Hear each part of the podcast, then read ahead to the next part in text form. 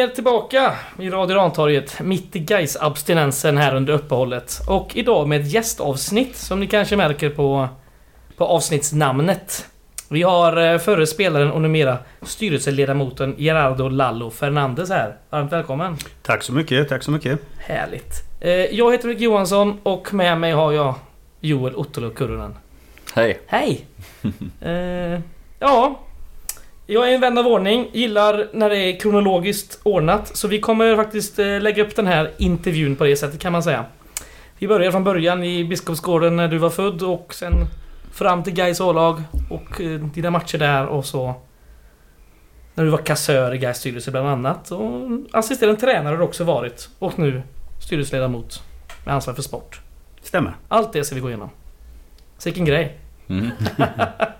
Eh, snabb introduktion då, det kanske inte behövs men Du är 63 år gammal, född och uppvuxen här i Göteborg, Biskopsgården som sagt. Eh, just nu sitter du som ledamot i styrelsen med ansvar för sportfrågor.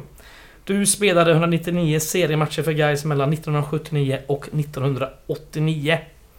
Och alldeles nyligen har du suttit med i valberedningen. Så vi kanske frågar något eh, om det också. Får se. Vi får se. Vilken cliffhanger va? Ja. Eh, Innan vi kör första frågan så kan vi ju säga att detta avsnitt spelades in tisdag den 27 juni 2023. Så där då. Joel, vill du dra igång? Eh, ja, men det kan jag göra. Men vi gör ju exakt som du sa då, börja från början. Om du bara får bre ut dig allt vad du kan med Vem är du och var kommer du ifrån och hur blev du den person du är idag? Ja du. Det är ju så här, jag är ju... Eh, eh, vad blir det? Första eller andra generationens invandrare. Va? Mina Mm. föräldrar eh, har mamma från Madrid.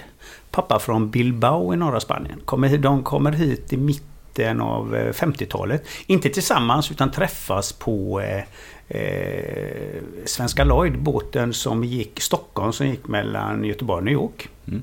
Pappa jobbade i maskin, mamma städade hytter. Där träffades de. Jag kom till 60 som ni såg eftersom jag är 63. Och eh, uppvuxen med lite andrahandskontrakt. Och så det här i eh, Masthugget, Mm. Majorna. Sådär. Innan miljonprojektet körde igång i Biskopsgården. Vi flyttade dit 64. Och eh, eh, där blev vi kvar tills jag flyttade. Eh, det blev jag kvar tills jag flyttade hemifrån i 23-årsåldern. Mm. Guys började jag spela fotboll när jag var åtta. Hur var Biskopsgården på den här tiden?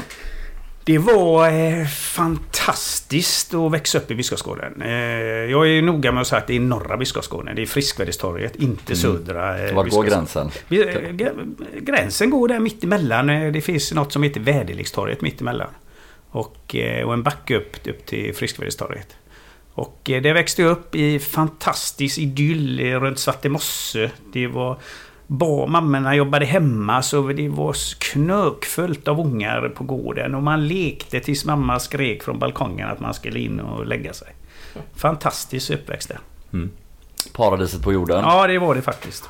Ja, miljonprogrammen är ju mycket mer kritiserade idag men Men ja, det var inte så du upplevde det och inte din familj heller då helt enkelt? Absolut inte. Vi kommer från, eh, eller kom från här då Masthugget med, med utedass med eh, en, ett badkar för hela liksom våningsplanet och sådär till Mm. egna badrum, till tvättstugor, till eh, fantastiska miljöer. Så att eh, nej, det var föräldrar som var lyckliga. Mm. Ja, det är ju stor skillnad mot idag. Framförallt om man eh, liksom jämför då de här stadsdelarna folk flyttar ut från. Majorna, Masthugget till exempel, eller Landala för den delen. Och att det nu kanske är tvärtom, liksom att man ja, vill flytta in eh, hit hellre då. Eh, lustigt hur tiderna förändras. Eh, men den, vi pratade lite om det innan också, men eh, till exempel då en styrelsekollega, Redtop, han är ju också från Länsmansgården eller Biskopsgården från den här tiden och, och det var ju ett helt koppel av spelare som egentligen tillsammans med dig eller eh, i samma veva som ni kom upp eh, ifrån Biskopsgården. Vad, vad är kopplingen mellan Gais och Biskopsgården? Hur kommer det sig att... Eh, ja, vad, vad är grejen med Gais och Biskop? Eh, Ja, vad jag minns så var det nästan så att det var ÖIS och Gais som dominerade där i, i norra Biskopsgården. Mm. Eh, och eh, ett, ungdomssessionen hade ett stort fäste där, Gais ungdomssession. Tog många spelare som gjorde många, många matcher i Gais. Namn som eh, Christian Pestat, Jan Edlin. Eh, på 56-sidan vi hade 58 som Bengt Andersson, Bengt Andersson och, Jan Selli Sällström. Och sen inte minst då eh, när vi kommer till mina årgångar då med Morgan Lagemyr, Håkan Lindman, Stefan Schöner och jag själv då som, eh, som gjorde A-lagsmatcher då Mm. på den tiden. Vi satt i samma spårvagn och åkte tillsammans som åttaåringar. Mm. In. Otroligt. Ja. Och vad är grejen med Gais och Biskopsgården idag då? Är det bara Mervan? Eller? ja, jag vet ju ingen riktigt från eh, årets trupp som har sina rötter mer än Mervan i Nej. eh, Biskopsgården. Ja, är- Han är också norra Biskopsgården. Ja, viktigt. ja, och så våra nya, ja, som gårdstensprojekt fast i Biskopsgården tog igång också. Så det kanske blir så igen då om några år får vi hoppas. Absolut. Men eh, ja, varför blev det guys för dig och, och även för din familj egentligen då? För ni blev väl Gaisare allihopa eller? Ja. Eh, jag, jag ska ju berätta som det var då att min första match det var ett derby mellan, mellan IFK Göteborg och Gais. Mm. Jag kommer, eh, eftersom min eh, farbror var i IFK Göteborg så kommer jag då i, i Blåvitt-tröja dit. Eh, Blåvitt vinner med 3-1 och eh, Blåvitts supportrar häcklar Gais. Mm. Jag som åttaåring tycker ju att detta är så orättvist och tycker då att jag kommer aldrig någonsin mer att heja på Blåvitt utan därifrån blev det Gais. Och det säger lite grann om eh, vad vi är för typ av människor eh, tycker jag. Vi har, jag vill tro att vi är, har ett, ett rättvisepatos i oss. Hårt arbetande människor som eh, behöver eh, få stunder av lycka för att kunna jobba i ett tiotal år. Mm. Vi Gaisare eller dig och din familj? Eller både Vi, och? vi Gaisare både och kan jag säga. Ja. Jag ska läsa upp ett citat här eh, från din gamla coach Bosse Falk. Eh, han sa så här en gång att Lallo spelade visserligen för familjen ibland och gjorde idiotgrejer. Men lika ofta räddade han på mållinjen och han grät varje gång vi förlorade en match. Större Gais-hjärta får man leta efter. Så med det som backdrop så får du väl berätta då. Vad, vad har Gais betytt för dig i ditt liv? Gais har ju betytt väldigt, väldigt mycket. För det första då som eh, jag eh, var, ju- hade två fantastiska ledare som, som började och, och, när jag var 8-9 år där. Och det var ju eh, Lennart Länsman Johansson då. Och Lennart Ägget Myrbäck. Det blir mina två eh, ledare varav Länsman följde mig eh, resterande nästan tills jag slutade 89. Mm. Med, jag hade, hade jag honom som ledare. Och de två, eh, till att börja med de två, har ju betytt lika mycket för mig som mina föräldrar. Mm. Av olika orsaker. Bland annat under en, en tuff period när jag var alldeles för liten för att vara med. Som eh, 12, 13, 14-åring. Att de även såg mig och eh, jag tyckte att jag eh, var viktig. Eller fick mig att inse att jag också var viktig för att det här, det här laget skulle... Under, under 3-4 år spelade jag bara i tvåan. Eh, Liksom i andra lag, vi hade ju två lag på den tiden. Mm. Och då... Men de fick mig att vara vik- och, och sy att jag tyckte att jag, jag även jag hade en del i det hela.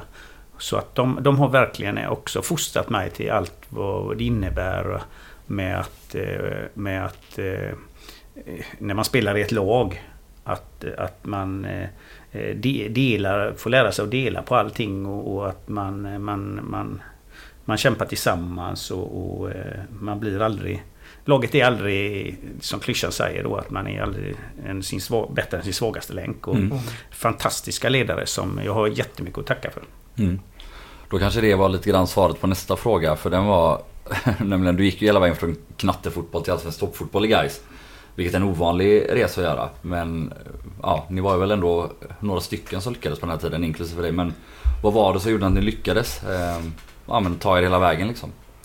Ja, det är lite som jag var inne på. Eh, jätteduktiga ungdomsledare. Mm. Som, eh, som eh, fick oss att tycka att det var, här, eh, att det var roligt. Det är ju så här att eh, våra vara ungdomsledare är oftast svårare än att vara en seniortränare. För att eh, man måste ju, man, man ska ju se till att eh, ungdomarna och, och barnen går därifrån med ett leende och kommer tillbaka med ett leende. Ska man inte det som vuxentränare? Nej, det behöver man inte göra så mycket utan det är, ett, det är ett jobb. De behöver Ja. inte alltid vara glada. Utan Mm. de eh, kan vara förbannade när de går därifrån. Mm. Men en, en ungdom eller ett barn, tycker inte de det är roligt så kommer de inte tillbaka. Så ofta svårare. Mm. Men de hade en förmåga att verkligen eh, eh, göra så att vi kom tillbaka och, och tyckte det här var det roligaste som fanns. Fint.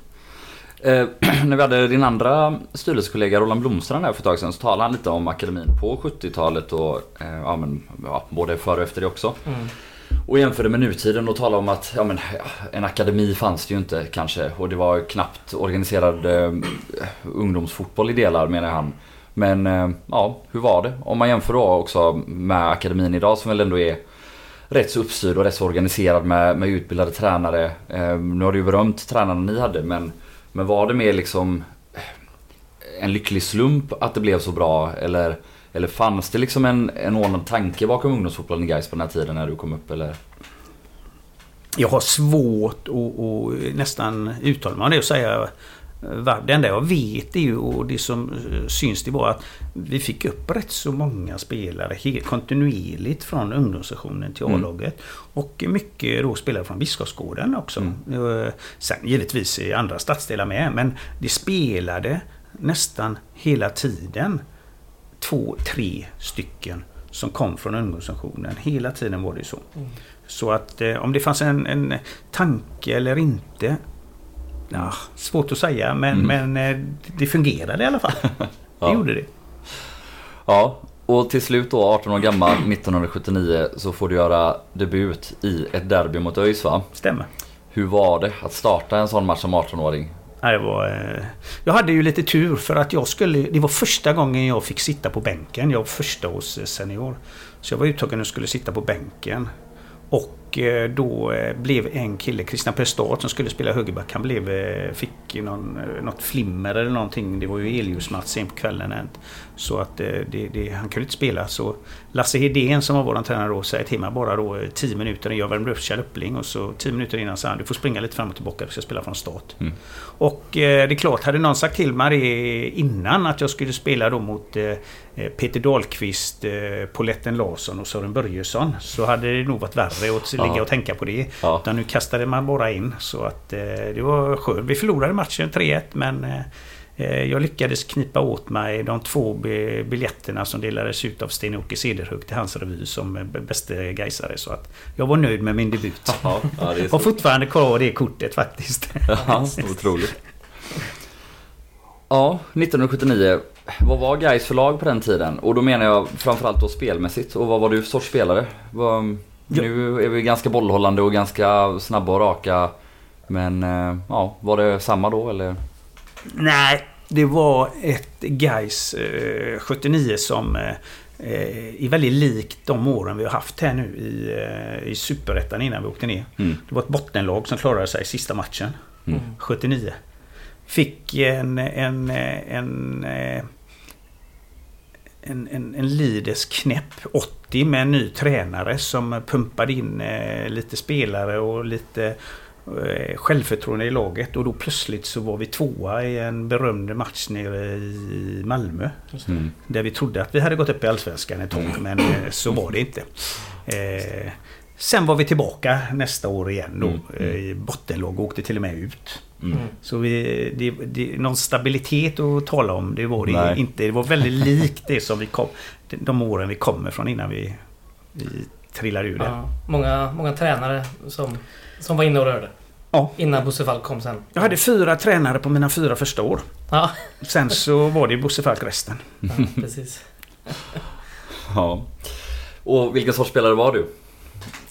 Jag var ju eh, eh, givetvis inte så stor. Jag var mindre än de flesta. Så, Och det hade jag varit under eh, många år, även i min juniortid och så. Så jag hade fått lära mig att tänka hur jag skulle klara. För jag kunde liksom inte hoppa in i en närkamp med en gubbe som var eh, 1,90 lång. För då kunde han, eh, fick man plocka ur mig gräsmattan. Det gick inte. Så jag var ju tvungen hela tiden försöka tänka ett steg framåt och vara lite lurig och försöka lura dem. Va? Eh, jag var rätt så hårt jobbande, ettrig. Eh, hade en spelstil, en spelstil som jag tror supportrar gillade. De gillade när man kämpade, lite Andersén åt det hållet. Mm. Supportrarna gillade hans aggressivitet, att han kämpade lite åt det hållet var det Mm. nog. Eh, Vill jag minna. Eller kommer jag, känner jag i alla fall. Eller vill jag att det ska vara Ja. i alla fall. Ja men det stämmer nog för jag ska läsa upp ett citat här igen då. Och så får du väl gissa då om det handlar om dig eller om Andersén. Men eh, en klassisk back i Gais moderna historia.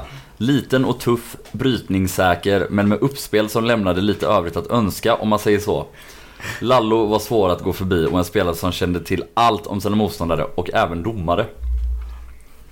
Inte Andersén, det är nog jag.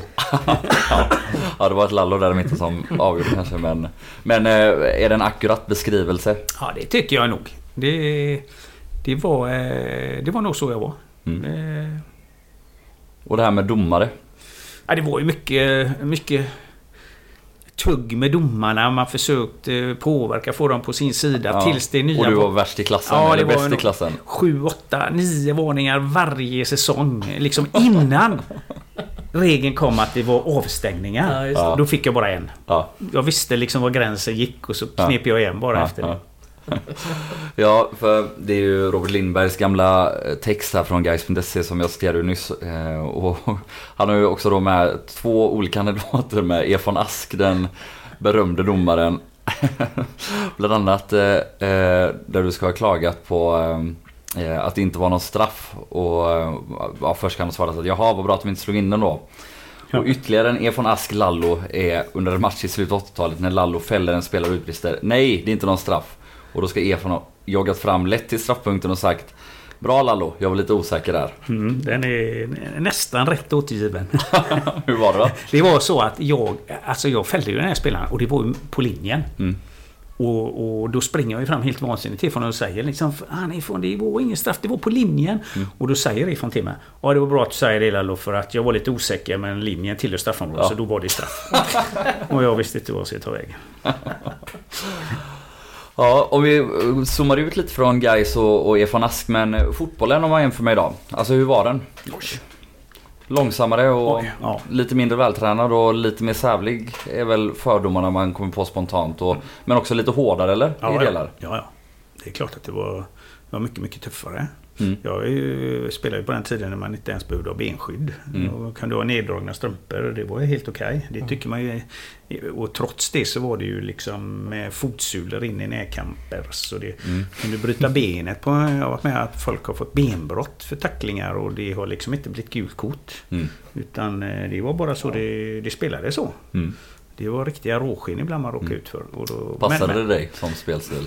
Jag var för liten. Jag fick, jag fick eh, hela tiden försöka akta mig för att hamna i sådana Mm. såna situationer. Så att eh, lite smart fick jag försöka vara. Mm. Men eh, det är klart att jag fick en... Jag, eh, jag fick av min, min äldste son ett videoband så han hade tankat ner allt som hade visats liksom på SVT av eh, Sportspegeln-matcher och så och där och Mm. Och du vet, när man tittar, man blir ju mörkrädd.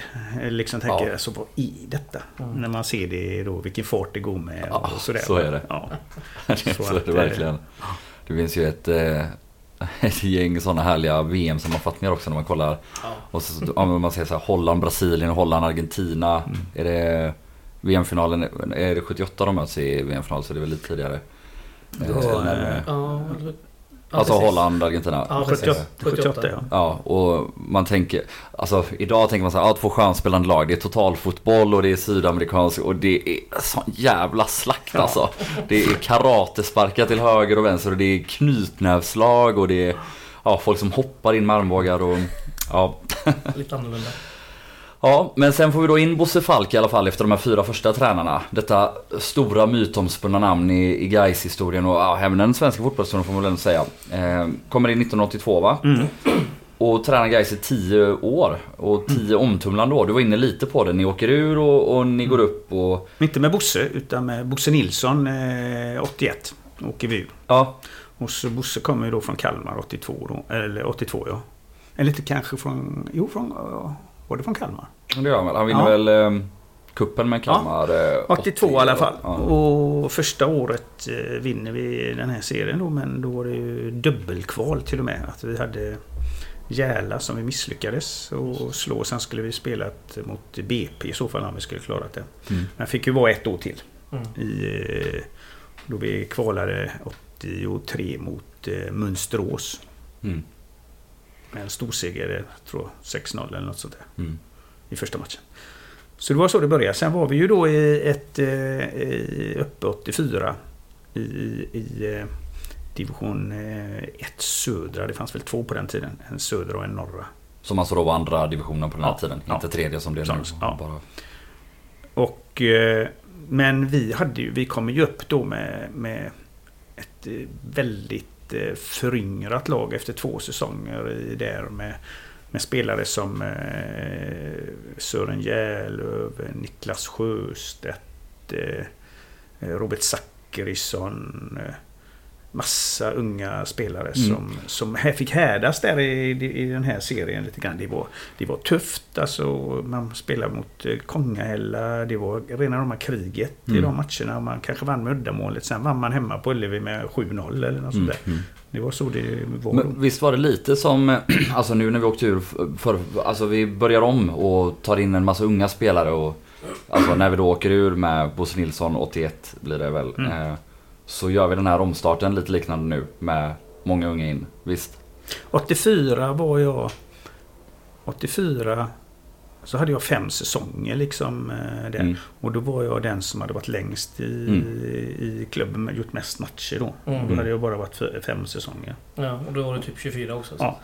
För då hade vi bytt, liksom, sen fick vi tillbaka, Målan kom tillbaka då från Halmstad och Mm. sådär va. Och, och, eh, men eh, det var ett jätteungt lag, men ett väldigt bra lag som hade härdats där. Så direkt tror jag när vi kom upp då 84 så var vi trea eller något sånt där. Mm. Slogs som kvalplats, kvalplatsen direkt där. Mm. Mm.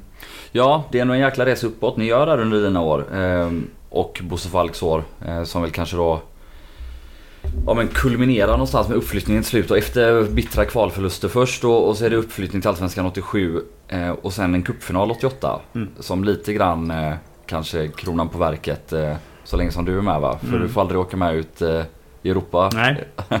Nej. Men, eh, men det måste varit en, en jäkla resa att göra. Alltså från tredje divisionen till ändå ja, men ett svenskt topplag. Ja, vi är ju, det är ju, vi är ju trea 89. Mm. Så kommer vi trea. Och det är ju liksom Blåvitt. Det är på den tiden man spelar semifinal. De, de fyra första går till semifinal. Och, och Blåvitt är femma det året. Efter att ha vunnit Uefa-cupen tror Mm. jag. 87 va? Ja, där. Mm. Och, och då var vi då i, i, i 87 spelade vi andra serien liksom. Mm, Och, de mm. och vi är före dem två år senare. Så Mm. det går fort. Och slår väl dem i, eh, i kuppen va? Fram, på väg till finalen. Stämmer. Kvarts, Både de och Malmö eller? Kvartsfinal Blåvitt, eh, Malmö i semifinal ja. Ja, och så går ni och förlorar mot Kalmar. ja som åker fan. ut till råga på allt Ja. i året. Herregud. Alltså vi, men vi, ja, vi gör en Vad fan Lallo? Ja det var dåligt. dåligt. Ja men Bosse Falk, vad har vi på honom? Eh, vad gjorde honom unik? Eh, var det att han bara stod och skällde nonstop eh, på småländska bredvid linjen eller? Bosse hade en jätte större kvaliteter än det. Bland annat var han ju otroligt noga. Han var, han var så noga med allting. Alltså han, han, han missade aldrig liksom att kolla på en motståndare och åkte eh, till, till de vi skulle möta nästa år. Och inte så att vi fokuserade jättemycket men han, han kunde ge, en, ge oss en trygghet liksom 15 minuter före eh, för, eller 15 minuter kanske på sista träningen att han hade, gav oss en bild bara som var viktig. Eh, han hade också en förmåga att, eh, att, vi, att vara omtyckt. Att man, man gillade att spela för Bosse för han Mm. la liksom hela sitt hjärta i det här. Mm. Eh, Ett stort exempel är ju det när vi är nykomlingar där då eh, 88. När vi vinner första matchen mot Hammarby. Och sen har vi sju raka torsk efter det.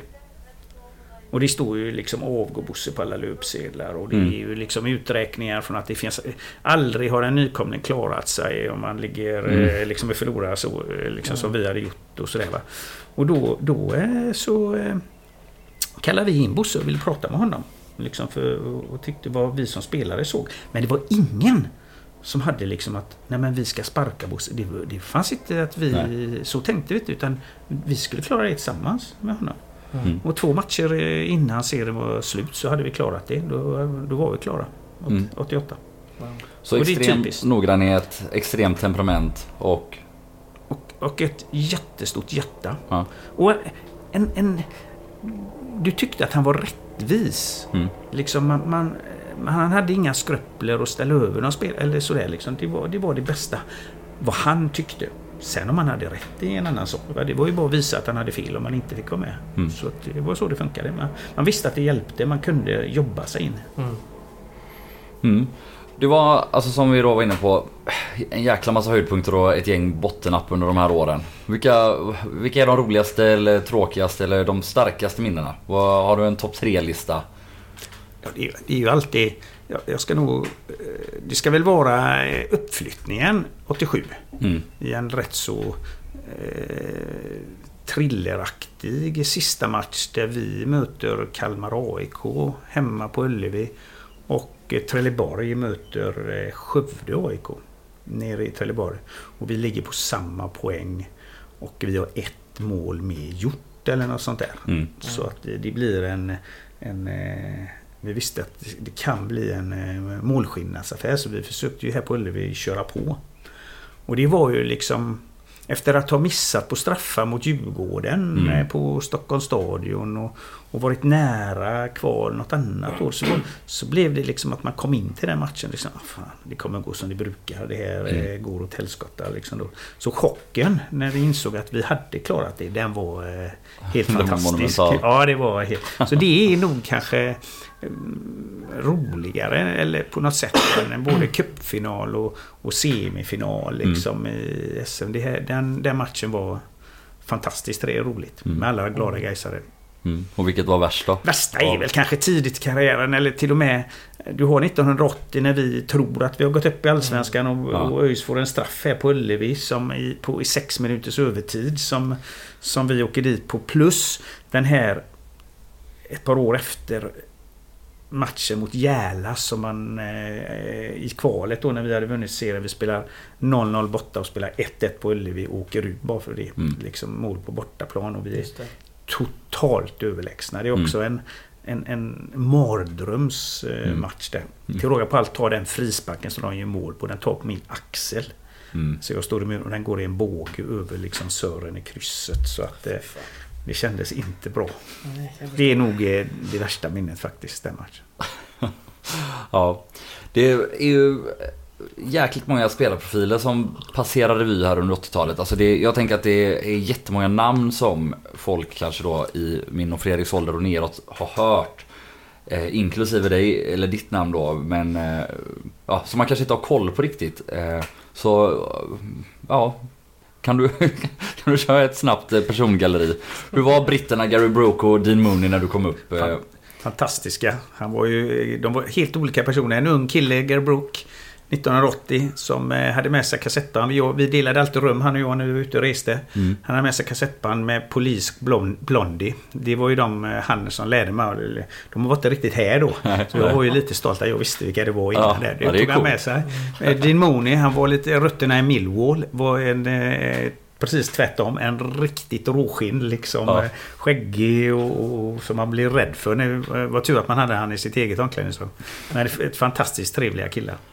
Eh, sen har vi ju givetvis, eh, om man går vidare så kommer vi ju kanske till, den, till en av de största legenderna, Samir. Mm. Det var ju en eh, fantastisk spelare att, att spela med. Och en trevlig, underbar människa. Mm. Kommer 85 eller? Runt där. Ja, 85 är det nog där ja. Det var eh, ner till en träning plötsligt där i dagarna innan vi ska, för vi ska möta Åtvidaberg eller något sånt där i en premiär. Bosse hade plugg, pluggat lite engelska så han, vi skulle klara honom. Det var ju ändå så... Eh, Hur gick det då? det sket sig nästan ändå första träningen när han, började, när han började skrika till honom att han skulle jobba hem. Ja. Men han skrek ju bara Go home, go home. Och han undrar vad, vad är det frågan om? Ja. Gör något fel eller? Så att, eh, nej, också en, en, en fantastisk. Sen, eh, sen är det... Eh, Är det den bästa du har spelat med, Samir? Eller, eller har du någon sån slamkrypare? Man tänker att det borde vara han, men mm, han är en, en av i alla fall topp tre-listan kan jag säga. ja. Och de Sen- andra två då? Ja, ja, sen har jag ju då, sen har jag ju då givetvis, eh, måste jag ju ta med Håkan Limman. Ja. Som var en eh, det visar ju sig sen också med de framgångarna han eh, hade i Malmö och blev svensk mästare och spela eh, i, i OS-fotboll med Sveriges landslag i Seoul. Och en, en, riktig, en riktig duktig spelare. Mm. Och sen då eh, har jag ju en förkärlek för Morgan Lagemyr. Mm. Då. En som spelade kanske då en 5-6 säsonger där fram till 85 någon gång. Mm. En- Och vem var det? Vad var det han, var, spelare? ja, han var ju en innermittfältare som, som eh, gudabenådad. Med blick och passningar, dribblingar, skott. Allting hade han. Mm. Så, eh, så att eh, också en... Sen är det ju... Sen är det ju så många duktiga fotbollsspelare jag har fått eh, liksom lyckan att spela med. Det är allt från Fekul till, eh, till eh, Lennart Kreivi. Mm. Och hur var de? Uffe, målskytt, hårdjobbare? Det var, det, det var kanske det sista han var, Ja. HD-jobbaren. Men han, var, han, hade, han, var ju, han hade ju en snabbhet som var hans eh, adelsmärke. Han Mm. kunde verkligen springa förbi eh, med full fart. Så att eh, mycket duktig. Mm. Steve Gardner. Från, vi hade från Blåvitt där som kom efter, kom till oss. Det var det flera säsonger med oss. Också en jätteduktig spelare. Det finns så många, många som, Mm. under alla de här åren som eh, varit så duktiga. Mm. Lena Kreivi är också ett namn man har hört många gånger. Vad- Han, han var ju den fotbollsspelaren som, eh, som alla fotbollssko- fotbollslag som är oftast som eh, det går bra för har. Det är en, eh, man kan väl säga som Åberg. En Mm. gubbe som där på mitten tog hand Mm. om det. Och och kanske inte hade de här offensiva kvaliteterna riktigt som Åberg har. Som Mm, alltid. mm. Det är ju en annan fotboll nu. Man spelar Mm, mm. en rakare spel. Nu ska liksom spelet ska gå framåt hela tiden. Mm. Men eh, Lennart Kreivi var ju en, en fantastisk eh, som, som eh, täckte ryggen för samhället hela tiden. Mm. Så att eh, också, jag tror jag skulle tippa på om Bosse tar ut eh, sitt All-Star team så är han med där absolut. Mm. Mm. Mm. Sören Järelöv. Ja. Det blev många, det blev liksom hela karriären som jag spelade hade jag i princip bara en målvakt. Mm. Det. Eftersom eh, eh, åt, eh, 82 kom ju då eh, eh, började Sören. Och sen blev det ju resten tills Mm. jag slutade där med, med Sören. Jajamän. Fantastisk eh, målvakt. Mm. Alla flest matcher i Gais av alla. Jajamän. Ja, du kan inte vara... Du är en bit från hans matcher såklart. Men Oj, långt du är ändå topp 20 måste du Ja, vara. det kan jag nog vara. Skulle Mm. jag tro. Kanske. Svider det att det inte blev den här 200 matchen? Det är väl lite störigt ändå. Alltså 199 är ju en otrolig siffra Så är- oavsett. Så är det ju. Alltså det är en otrolig siffra. Men... men fan. Ja, nej, det är klart. Det hade varit, ska jag göra en till. Men jag, jag brukar trösta mig med att säga liksom att eh, jag kan lägga till ett, ett 25-tal cupmatcher.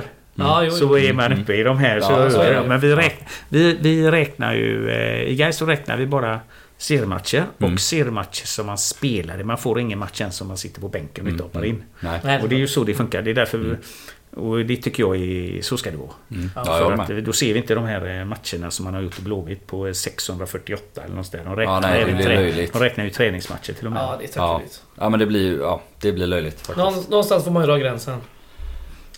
Är det inte så... Eh, slå mig nu. Jag har inte... Karl-Alfred Jakobsson gjort exakt 99 matcher han också. borde vi ha koll på. 197 är det väl? Och plus två kval då om man räknar Ja så. precis. Ja, se på fan. Exakt. Det är inte alltid något. Mm. Ja. Ja, publiken på 80-talet. Oj. Oj. Katastrof. Alltså. Ja, men det är så. Kan, alltså det är ju så att den, den tiden som jag spelade där under, under 80-talet. Det är ju, vad ska man säga, ökenvandringen Ja, i svensk de mörka åren. Ja, det är ju ökenvandringen i På Nya Ullevi också va? Ja, och, och eh, liksom det, det, det var ju en, liksom, en allsvensk match eh, som kunde... mm, Där Malmö spelade som drog eh, 5000 kanske eller något sånt där. Mm. Man, Mm. man spelade. Det var ju en, en bra, en hyfsad publiksiffra. Mm. Det går inte att jämföra med hur det ser ut nu. Nej. Och, eh, ja, det är ju helt, annorlunda, helt annorlunda. Mm. Men eh, guys i förhållande till andra klubbar ändå, alltså helt okej eller? Alltså inte, inte sämre än andra i alla fall. Du menar på 80 80 Ja. Nej, nej, absolut inte. Nej, Det är, tvärtom till och med. Ja, eller? ja, det tror jag nog. För att vi hade alltid liksom Oavsett vilken division vi spelade nästan så hade Mm. vi alltid våra 3000 i princip Mm. eh, som, som också fanns med. Mm. Och ett visst bortafölje även då? Ja, ja, ja. Det var ju Hur var det att komma till Mönsterås? Och... Nej, det var fantastiskt. Givetvis Mönsterås var fantastiskt med, med 8-9 bussar. Liksom. Ja. Man fick slå, omklädningsrummet var 100 meter. Man fick slåsa fram när man skulle här, tillbaka Ja. liksom, för att komma dit. Och det var tröjor rök och kortbyxor rök. Och, nej, det var, eh, det var, de hade längtat efter det här de, de Ja. två åren i, i, eh, i tredje, tredje divisionen. Och som det blev. Hur var det i Kongahälla då? Det, alltså, men det, vi hade ju alltid med, var vi än åkte på de här matcherna som, som, som, var, som det var lärorikt. Åkte vi till Prästängen, en beröm, en, en, eh, som man, jag var faktiskt firade midsommar på Hälsö Mm. nu i i helgen här. Mm. Och då var det ju folk som kände igen mig och så och frågade jag, var, med, var du med och spelade mot Öckerö på Prästängen? 2-2 matcher. Ja. Ja, åh, det är det bästa som finns i mitt liv tyckte jag. Ja. Men det var ju vallfärd Ja, dit ja. med, med färjan. Alla gaisare gick över till den bortamatchen och det var hela berget var fullt. Va? Ja. De räknade med att det var 4-4 500 tusen där ute. Va?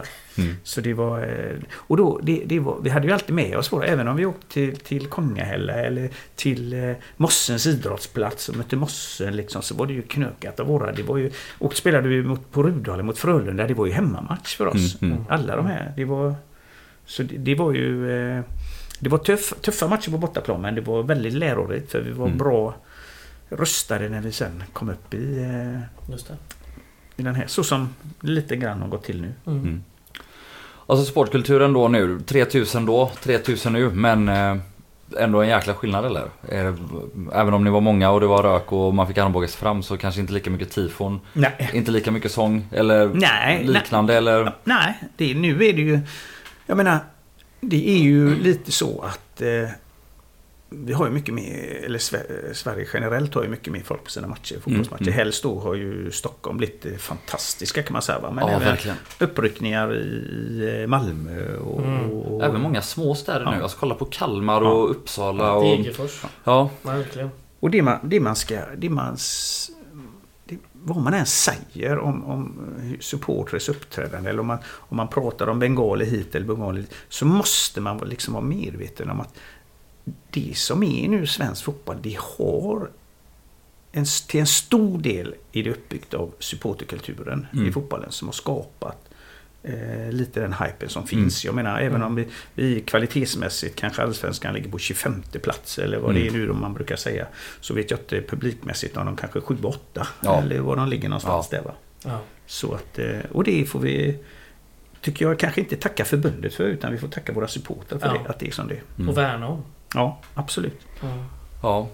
Eh, hur var det? Eh, Jag har för mig att någon gång någon har sagt, kan vara från klackboken, att, eh, att du har tackat dem för att de jobbade mot högervindarna i Gaisklacken på, på 80-talet. Eh, hur var, var det ett problem någon gång att heta Fernandes eh, och spela i Gais på 80-talet eller? Absolut inte. Absolut inte. Eh, eh, jag har all... Jag, har- jag har en gång på fotbollsplanen eh, varit med om att man har kall, eller sagt någonting till mig på grund av mitt ursprung. Mm.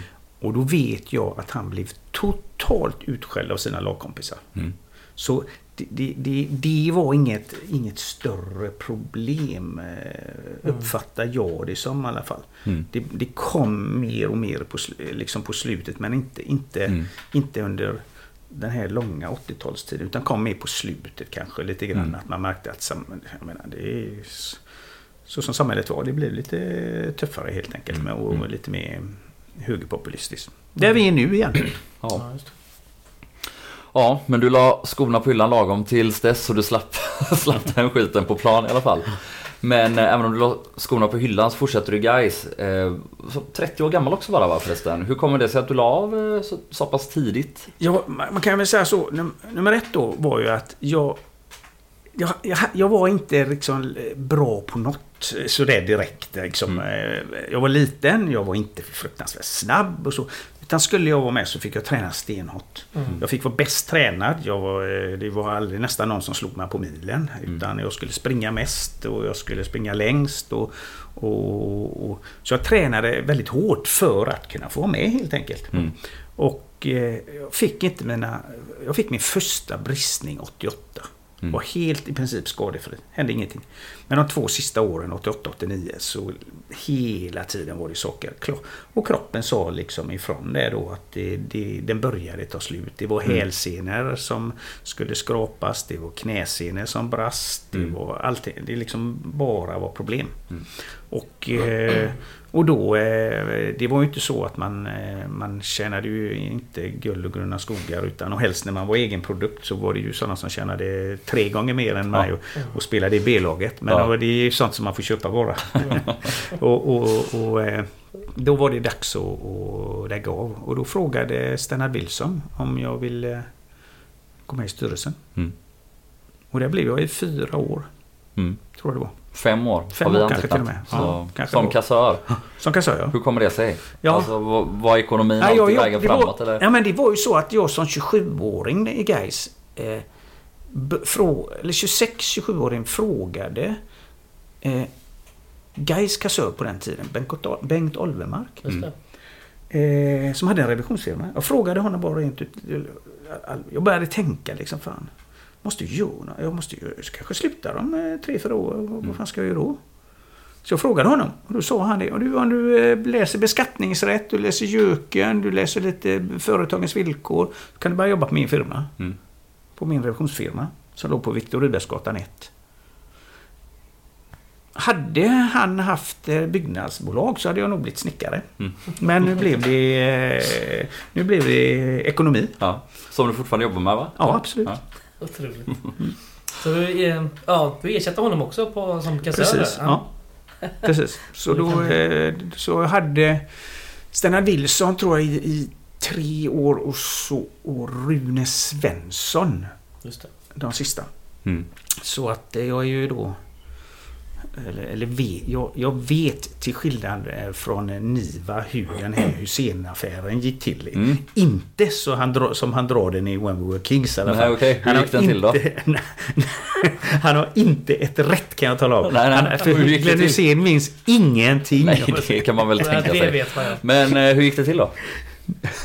Nej, men vi kan väl säga att vi, Glenn, kort, Glenn Hysén kom till oss. Mm. Det bestämdes att 92 där va? Precis, och eh, det en högkonjunktur. Strålande högkonjunktur där. Det var jätteroligt för honom. Det bestämdes att eh, liksom, om jag kan ställa upp med detta och jag kan ställa upp med detta och jag kan eh, fixa det här och... För, Alltså från olika sponsorer ja, eller? precis. Mm. Eh, halvår senare, 93 där då, då gick, 93 eller 94, gick proppen ur. De kunde inte göra det de eh, hade lovat. Nej. Det är samtidigt då vi har ungefär 500% ränta här i... Ja, Här i då landet hade vi då. Tack Carl Bildt. Tack så mycket. Ja. Eh, fa- istället kom ju fakturorna till eh, Gais. Mm. Och där sitter jag som kassör. Undrar lite vad det här är. Mm. Och eh, så fick vi då eh, hitta någon eh, en bra kreativ lösning för att fixa detta. Mm. Som, som då eh, skulle vara eh, både laglig och rumsren. Mm. Så att det slutade med att Glenn Hysén anställdes, fick ett tioårsavtal som, som eh, vårat ansikte utåt. För att han och fick lön i princip i tio år. Så att han skulle kunna amortera ner på det här lånet som fanns där. Ja. Så det är stora drag vad som hände. Mm. Det var den här villan i Torslanda. Ja, det kan man säga. det, vad, byggde vi den åt honom? Eller liksom det Delar av den. Delar av delar den. av den. Ja, det är klart. Delar av den byggde sponsorer. Ja, Och- skulle, skulle, hade sponsorer lovat att de skulle bygga. Mm. Eller ta tag i och, och sponsra då. Mm. Men kunde inte stå för det sen när eh, proppen gick ur. Jag får ändå säga så här med... eh, Med lite tid i backspegeln. Att det kunde fan varit bra mycket värre ändå. Det var ändå många så här... Knappt eller? Ja, men det var ändå väldigt många sponsorer som var just från eh, ändå byggbranschen och, och liksom eh, fastigheter. Och det var ju det, framförallt det lidande av krisen. Mm. Vi kunde ju fan suttit i liksom konkurs. Mm. Så man får väl ändå tacka er som var där och sanerade den här skiten och kanske lite blev värre än, än vad det blev. Säger jag bara. Ja. Passus. Ja men ja, allt det som Fredrik sa. Hur var det att vara kassör under de här åren? Det måste ju varit hemskt stökigt och jobbigt och Alltså vi har dragit massa paralleller till nutid redan om, om hur spelartruppen var när du kom upp och nu och så vidare. Och ja, om vi då återigen då tillbaks till 2012, 2013, 2014 så kanske det liksom är lite liknande läge som 92, 93, 94. Även om det var mer självförvållat nu den här andra gången. Men Jag hur var det att jag, kasta tror de att, åren? jag, tror, jag tror att det var många resor värre 2012 Mm. än vad det var eh, Mm. eh, den tidigare. Där. Men det var ju, det är klart. Eh, det är ju... Eh, eh, vad blir det? Eh, nästan 20 år tidigare. Mm. Och det är klart att eh, det var ju mycket mer. Även om det var mindre belopp så var det ju jättemycket pengar Mm. på, på, eh, på den tiden. Men eh, det var, det var ju ändå en period där guys eh, förhållandevis eh, framgångsrika. Hade väl nästan fe- fem raka år i Allsvenskan där. Vilket är, det är väl det kanske vi toppar i modern tid. Eh, jag tror det ligger där någonstans va? Ja, Fem- 2006 till 2011 är väl... Ja, eh, något liknande. Ja. Det är ju så att vi, vi ser oss som Gaisare så ser vi oss att vi alltid har legat i Allsvenskan men det har vi inte om vi tittar. Nej. Vi är Nej, ju liksom inte fem från, år sedan. Inte från borta, 60 och framåt. då är vi borta länge liksom. Ja. Och, så, och så har vi tre, fyra år till och så är vi borta ett tag. Mm. Och så, så att eh, vi hade en eller, hyfsat framgångsrik då som, som eh, eh, blir då, eller det här ödes, där vi åker ut då till slut, det här ödesdigra kvalet mot ÖIS som, som går i, från, i, i den här kärnkraftsallsvenskan som de sa. De kunde ju gå från tredje divisionen upp i allsvenskan och slog Gais i en kvalmatch. Då. Mm. Så de, eh, med Torbjörn Nilsson då som eh, tränare. Mm. Ja, för jävligt. Men, men eh, otroligt lärorikt att vara tillsammans med, med Stenna Wilson och Mm. Rune Svensson. Vilket Och hur var Stenab? Det är också en sån namn man ofta stöter på Mm. som man liksom, om man liksom börjar googla guys lite grann och Mm. legendar hit och Men det är så här, för någon i min ålder och säkert en yngre kanske inte ens har hört namnet. Vad, vad var det för figur Det egentligen? var, eh, det var ju då en, en kille som kom från eh, en inte så bra förhållande uppe i Norrland någonstans. Byggde, kom till Göteborg och liksom byggde upp ett eh, byggnads, eh, ett eh, byggnadsbolag. Stena, Stena, vad heter de? Eh, Villfast eller Mm. Wilson Bygg eller vad de eh, hette. Mm. Minns inte riktigt. Men i alla fall. Och också var en, en, en, en gaisare då. Han var ju lite, hade lite förhållandevis modern i tänkandet. Han byggde upp, eller ville satsa på ungdomar med Mm. ungdomsproffs med Janne Olsson som, som eh, då var med där och, hjälpte till med massa ungdomar. Varav vi fick då bra tränare när vi var unga. Kom upp där med då, bland annat med Roger Fridlund då som, som var engagerad i Gais. Mm. Eh, men, och, och, men också är då en väldigt, en väldigt noggrann människa, Sternad, som, eh, som verkligen jobbade stenhårt för föreningen. Mm. En, en stor människa, skulle jag vilja säga. Hur kommer det sig att han blev gaisare? Eller var han alltid det? Han, Eller? ja, han var, jag vet inte faktiskt riktigt hans historia, men jag, jag vet Ja. ju att han var från eh, Norrland någonstans. Mm. Eller, eller Norrland och Norrland, för det var Sandviken eller någonstans Mhm. där Jo, uppe. ja. Ja. En tredjedel minst av, eller 60% av Sverige är väl Norrland då, beroende på hur man räknar. Ja, men eh, efter de här fem åren Då är det tack och hej till guys för ett tag. För första gången sedan åttaårsåldern eller? Ja, får man säga. Ja. Det var så. Det, det, det kändes lite... Eh, det kändes lite som... Jag var eh, lite grann tvungen att komma därifrån. Mm. För man blir... eh, Man var så himla... Liksom, allt vi gjorde det var rätt. Man, Mm, man mm. såg liksom... Och allting de är på utsidan var fel. Men, och så började man eh, liksom titta lite grann och... Och liksom, fan det måste finnas någon medelväg. Jag måste ha lite andra influenser. Jag måste Mm. träffa och prata med lite andra eh, killar. Så då blev det ju då att jag var... Eh, ska se, vad var jag då? Jag hade tränat eh, när, jag, när jag slutade Gais. 90, 90 så körde jag fyra år i Bjuslet. Mm. Och sen då 95 då, då så var det ju då eh, Mölnlycke var ett par år där. Så där är vi då i min... Så Mm. jag tränade lag då från, från 90 till... Eh, till eh, 2003 eller 04. Mm. Där jag bestämde att jag skulle eh, satsa på eh, liksom Kviding hade varit på mig länge där. Mm. Vi bodde i området och så spelade sonen i Kvidings 96 och Mm. Då följde, följde jag dem då från eh, sexåringar ända tills de blev eh, juniorer. Mm. Det. Men visst blev du erbjuden jobbet som tränare i guys någon gång i slutet på Ja, 90-talet visst. också? Stämmer. Eh, Då är vi, eh, ska vi se, 94, 96, 97 där någon gång. När Hans Gren då, eh, eh, kan det vara 97 eller? 97 stämmer 97. va? Tredje divisionen. Ja. Mm. Då blev jag erbjuden att få träna gräs. Men, Polisen har han skrivit. ja. Batongen senare kallad. Det. Men jag tackade nej. För att jag tyckte inte jag hade den erfarenheten som eh, jag behövde. Jag vet vad gräs innebär. Ja. Och eh, kände inte att jag hade tillräckligt, var tillräckligt bra tränare för det. En Men det- nyttig en- självinsikt kanske som Ja. andra kanske har saknat. Ja. Hade jag fått Ja. frågan tre år senare så hade jag ju aldrig sagt nej. Mm. Nej. När jag hade fått tre år senare blev du väl eh, assisterande? Ja, det stämmer. Så då sa du inte nej. Inte Nej. det, eh, ja. Men eh, ja, det är alltså då hösten 2000 eller hur? Precis. Eh, Eller under sommaren 2000. Då är vi i När vi Allsvenskan ja. Håller på att åka ur va? Mm. Eh, så Lennart tar man in... Då. Ja, Ja, precis. Och då sparkar man de assisterande. Ja. Thomas Blom. Ja. Otroligt märkligt gjort Ja, eller? ja, ja. ja. Det är, man slutar aldrig förvånas när man... Men du åkte ju ut men Lennart var ju nog kvar sen. Jo, jo, jo. Så det, jo var ändå, det var ju ändå ett långsiktigt i det kortsiktiga Jo, eh, alltså absolut. Det, det är ju inte konstigt att inte sparka men det är väl... eh, Man har sällan hört talas om en klubb som sparkar en assisterande och behåller huvudtränaren. Ja. Men hur, vad hände? Hur fan Ja gick det men så till? gick det till. Det... Jo, men varför? Ja du, jag... jag eh, det, det var någonting som där. Ja, okej. Men, ja. eh, Jag vet inte om det var mellan Otterdal och, och Thomas Blom, det är jag osäker på. Men det var något, något som hade skurit Mm, sig mm. som man, som man eh, tyckte att man ville flytta på, på eh, Thomas Blom. Det är I och för sig en gammal Gais-legend det med. Mm, mm. Men eh, det var vad som hände. Ja, men du kom in och lyckades eh, inte hålla oss kvar den här gången. Nej, nej, absolut inte. det var... eh, Det var... eh, är vi då? Är vi... eh, Vilka vinner där? Är det... Oj. Är det Hammarby eller något sånt där? Ja, Är är det inte de som vinner nästa? Ja, det kanske vinner året efter. Alltså, Men vi var, ja, vi var vara- ute tror jag när det var tre, två, tre omgångar kvar. Ja, vi vinner väl mot Häcken borta med fem många kvar med 2 och då är det, alltså då greppar vi det sista lilla halmstrået att, att eventuellt kunna komma ikapp dem, och, för de ligger på kvalplats, vi ligger näst sist. Men om inte det är Hammarby vi åker ut på he- hemmamatch mot Hammarby att Ja, vi förlorar. möjligt. Vi leder med 2-0 tror jag vi förlorar med 3-2. Mm. Och så, så var det klart sen att vi åkte ut.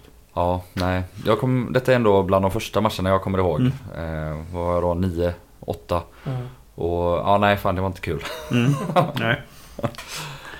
Ja, men om man då tar från 2000 när vi åkte ut, då är det tack och jag till Lallo även om vi fortsätter till Lennart och tillbaka till Kviding för dig, eller? Nej, då är jag tillbaka i Ytterby. Mhm. Då var jag i Ytterby när detta eh, utspelade sig. Mm.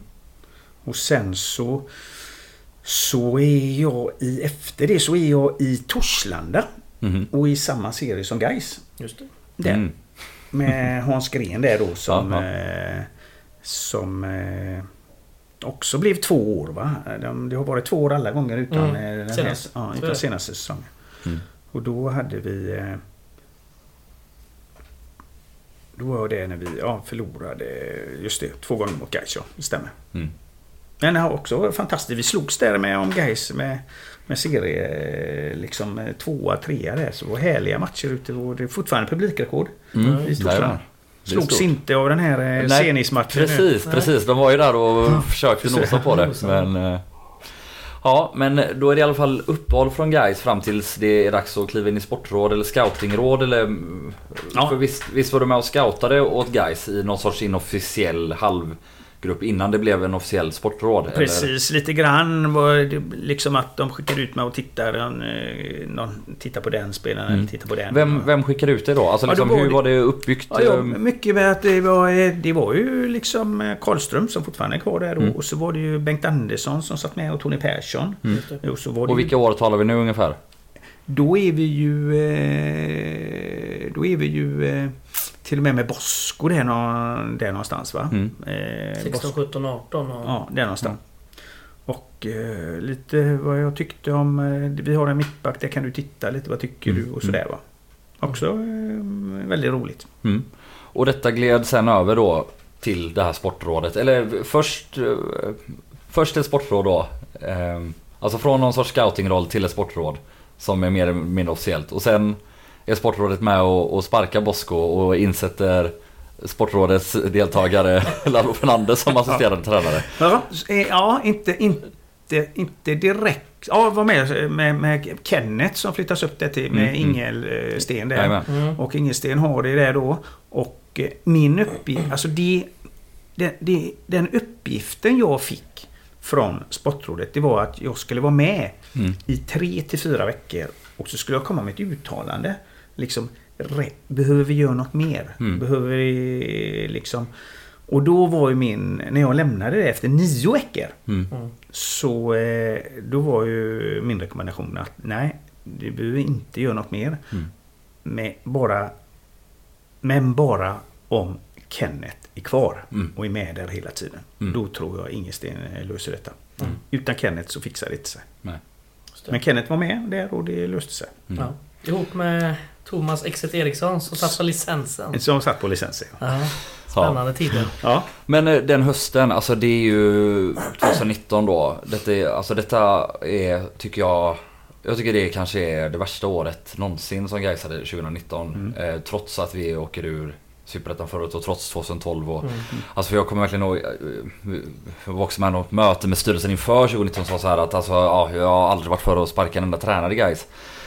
Men Bosko måste, alltså, han är tokig liksom, han måste bort. Och sen eh, blir det liksom sämre och sämre och sämre ända till den här Dalkurd-matchen som är, Katastrof. ja den är, det är bland många mörka matcher sen Ja, Kanske verkligen. en av de värsta. Eh, Det är ju några till på listan, strunt samma. Men hur är det att komma in i laget i den här perioden? För det, det är ju ärligt talat becksvart Ja, ja. där och då. Mm. Och eh, Det är stökigt. Det är ju dåligt självförtroende. Det är oftast där det är liksom man är så nedslagen i skorna. När man, ja. Det är liksom... Det är tufft att spela i Gais när det blåser. Mm. När det går dåligt, när det går illa. Så är det tufft att spela. krävs mentalt, eh, det krävs mental styrka. Mm. Många klarar det inte. Många, de som klarar det, de kan bli kvar länge. Mm. Och få vara med om de goda tiderna. Men eh, det är många som ramlar av där. Det är tufft. Likadant med som de var tränare. Mm. När det blåser i Gais så Mm. det är ingen som klarar sig. Håller du med om det Alibek Aliev sa? Att det är större press i Gais än i CSKA Moskva? Ja, ja. Ja, jag vet faktiskt inte riktigt hur, hur pressen är och ska och så. Men, men det, jag vet Men att det är, rätt. det är tufft. Det är tufft. Han måste ha det. Ja. Nej men också när, när man tar in dig och Kenneth här då så talar man ju mycket om att eh, vi ska inte ändra allt men vi ska liksom eh, rätta upp tror jag citatet var och, och vi ska hitta det enkla och sätta försvarsspelet först. Eh, alltså som coach och, och, eller liksom som fotbollsperson, är du, är du precis som spelare en defensivspecialist? Är det det du ser som grunden i fotbollsspel eller? Ja, det, det är väl en del. Sen har jag ju mina... Givetvis vad jag tycker att eh, hur man, hur man ska spela anfallsfotboll. Liksom. Mm, mm. Försvar, försvarsspel för mig är egentligen att förbereda sig på bästa sätt när man vinner bollen och ska anfalla. Mm. Det är försvarsspel för mig. Mm. Alltså du ska sätta dina spelare i ett sånt läge så att du kan slå direkt. Mm. Det, det ska in, och då kan man göra det på olika sätt. Ja. Hur bra tycker du vi är på det just nu? Nu, just nu så är vi ju fantastiskt bra på det. Ja. Helst när... eh, Är det våran största styrka till och med? Är det att ta det för långt eller är det... Ja, det beror, på, det, det beror på lite grann hur smarta vi är. Vi ser ju en, en, en liten förändring i, i spelet Sundsvall-Örebro. Där vi kanske då lägger oss lite lägre. Alltså, om, vi inte, om vi inte vinner pressen de första 5-6 sekunderna så går vi ner istället och ställer oss. Mm. Istället för att ligga kvar högt upp och hela tiden vara tvungen att gå förbi nio spelare. Mm.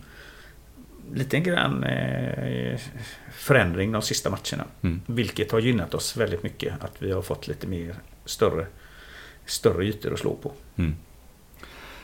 Tillbaka till hösten 2019. Vi går ändå över till ett superdefensivt 4-3-3.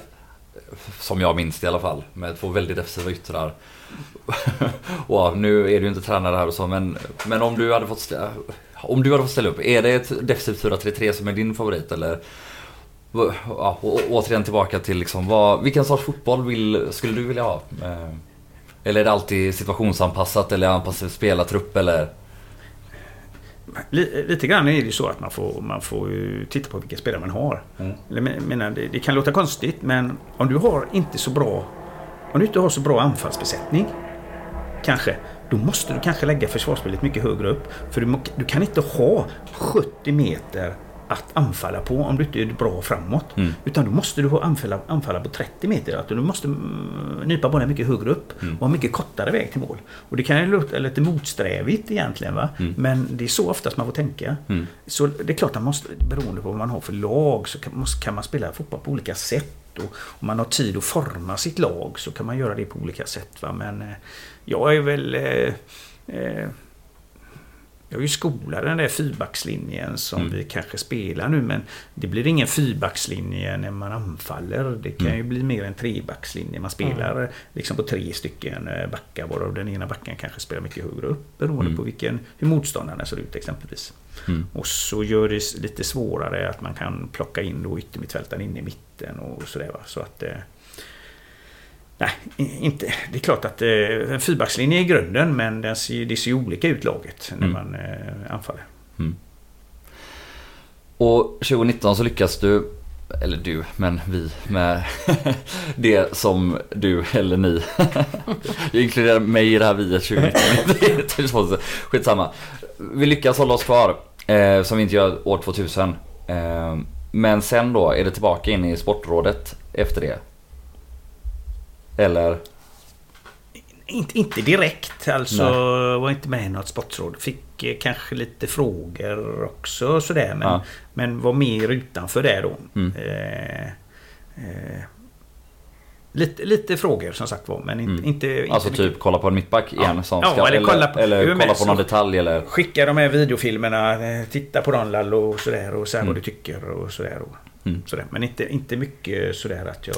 Jag har en eh, fråga vi flika in här när vi ändå är inne och touchar på eh, 2019. Vi värvade ju in eh, den brasilianska mittbacken Henrique Mora där på, Mm. på sommaren som var högst delaktig i hålla oss kvar. Absolut. Hur hittade man eh, honom? Ja, det kan man fråga sig. Det kan man fråga sig. Ja, jag tror... Det var inte du som satt Nej. och nej, googlade runt där nej. på...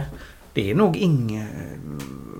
Om inte det var Ingensten som Jo, hade de här han- kontakterna. Eller, ja, eller, exakt. Han har ja. fått videoband skickat till sig tror jag. Som Ja. han skickade vidare till Bengan eh. Andersson. Eh. Som då väl var med i Sportrådet. Eller oklart om han var det eller inte då.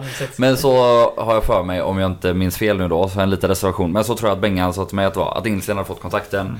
och skickat video till sig och han skickat vidare då till Sportrådet som kollat vidare och sen löste den vägen. Ja. ja, men det är som du säger. Det var en, en av anledningarna till att vi kanske hängde kvar. Han Mm. var, jag lite av en favoritspelare ändå i Mm. modern tid. Och, Ja, han var fin.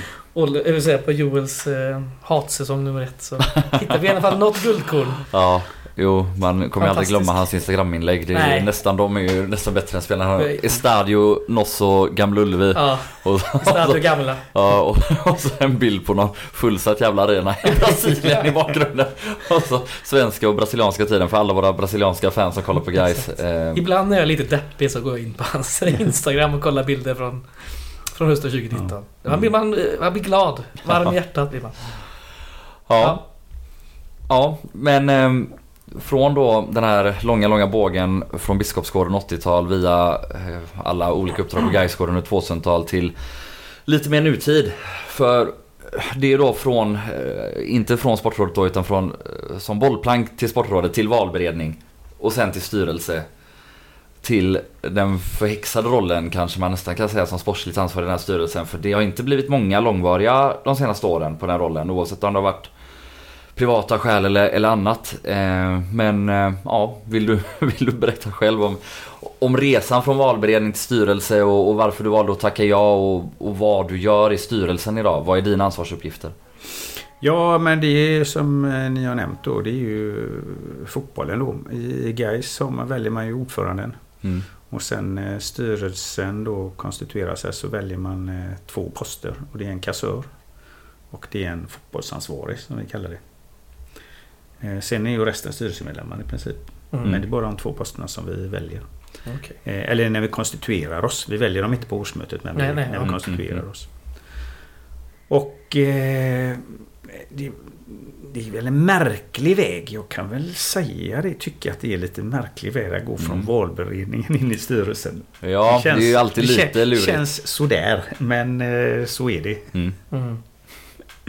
Och, eh, vi har ju de två killarna före mig då med Jonas eh, Östergård. Och eh, nu eh, Enered Mm. har ju gjort eh, var för sig då eh, fantastiska insatser. Eh, Jonas då, för vi börjar med honom som fotbollsansvarig, så har ju han varit med om att och, och, och styra upp och få lite ordning och reda. Att eh, jobba med kontrakt. Att eh, också eh, liksom försöka ta fram spelare med, med där han var eh, satt i det här scoutingrådet men inte, var, inte som, det var mer som styrelse, de andra var mer produktiva. Jonas var liksom länken där va. Men man måste ju säga det att många saker, även om det sportsliga resultatet under Jonas tid inte, inte blir bra, Mm. så gjorde de massa andra saker som var väldigt, väldigt bra. Har du lagt grunden för mycket nu då? Absolut. Om många spelare som är kvar såklart. Ja men vi kan ju bara säga att vi har, nu pratar vi om eh, Åberg och Gylle. Det är ju Mm. liksom killar som de tog in. Mm, mm, Ja. Absolut. Ja, det är väl också han och några till som är bakom det här. Alltså vårat spelsätt som Sköldmark ofta pratat om är bra men som vi kanske inte följde tidigare. Ehm, Absolut. Det, det, är, ju, det är ju så, de, för, de försöker under en orolig tid här då, där det inte gick så bra sportsligt då alltså. Det, det, det är klart att det blir det.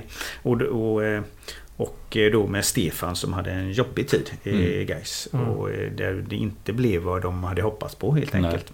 Utan där det kanske inte följdes riktigt de riktlinjerna vad jag Mm. förstår. Mm. Jag har varit med på den tiden men Nej. det är vad man har Mm, hört i alla fall vad de säger. Eh, De riktlinjer som, som sattes upp. mm. Eh, Så det, det, det är en väldigt, väldigt jobbig tid. Men som sagt var, det, det gjordes väldigt bra saker. Bland annat så är det ju nu en... eh, Man hade en, en, en tänkt stor satsning på akademin. Där Mm. man gjorde en stor genomlysning av akademin. Och vad som krävt för att det ska bli en ändå, ändå bättre. Vi Mm. har en bra jobbande akademi med tanke på de resurserna som läggs där. Men Mm. Det är en av de sakerna som eh, den dagen vi går upp i Allsvenskan ska vara mycket bättre och det ska satsas mycket mer på den. Mm. Det jobbet, det jobbet ligger ju såklart låg ju i träda då eh, under föregående säsong. Mm, Då har vi ju mm, ingen mm. chans och har inte de pengarna där vi kan Nej. göra detta. Nej. Men det är ju någonting som vi väcker liv i igen. Det är ju någonting som de har gjort eh, och, den, den mappningen och vad, hur vi vill att våran ak- akademi ska se ut på längre Mm. sikt. Med, bland annat med Kenneth som har gjort det här jobbet. Som Mm. nu eh, Pernhede har då i uppgift att, att gå igenom och försöka sjösätta så Mm. mycket som möjligt. Det är också en ekonomisk fråga. Mm. Mm. Såklart. Men eh, vad, vad jobbar du med liksom på daglig basis om man säger så i guys? Vad, hur, hur ser en, ett styrelsearbete dag ut för Lalo Fernandes? En styrelsearbetsdag. Det, det, är här, det är så här, skulle jag vilja säga, att för tillfället Mm. så, så mår våran spelartrupp så bra. Vi har två tränare, eller rättare sagt vi har en ledartrojka där som med, med målvaktstränare, med fys, med, med alla runt omkring, med Kenneth och, och, och Fidde och Severin som, som funkar så bra tillsammans. Eh, man, kan, man kan säga att eh, man gör ibland rätt oortodoxa saker. Mm. Eh, eh, liksom inte i min vildaste fantasi trodde jag att Fidle skulle spela Arnes mot Sundsvall. Mm. När, han, eh, när man är i det läget och man ska spela en match som lite definierar lite säsongen. Vad kommer det att bli? Japp. Och, och, och, och då hade jag ju pratat med Fidde innan, eller med, just det, med Fidde innan och han hade sagt att, eh, till mig då fem matcher innan att jag tror att mot Sundsvall är det dags för eh, Arnes. Mm.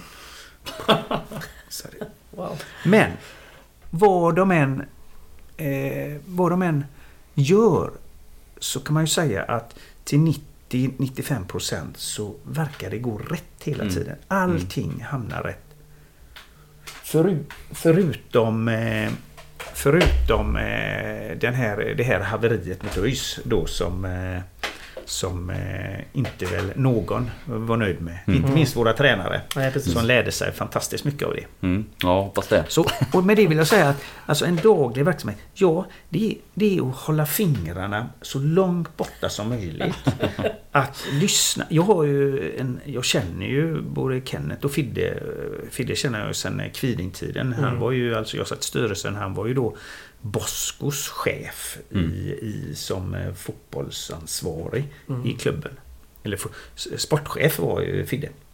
Eh, så jag känner ju Fidde sedan lång tid tillbaka. Mm. Så vi pratar ju rätt så mycket i, men pratar mycket jag vill inte prata liksom fotboll med Fidde. Jag vill inte prata liksom den här spelaren, den spelaren. Utan vi, jag, jag, det, det, vi pratar lite mer, eh, vad ska man säga, hur, hur, vad har man för filos, filosofiska grejer i fotboll? Mm. Mm. Spelar man med, hur gör man med, när man, när man som Fidde då och Kenneth roterar rätt mycket? Mm. Ska man rotera formspelare? Mm.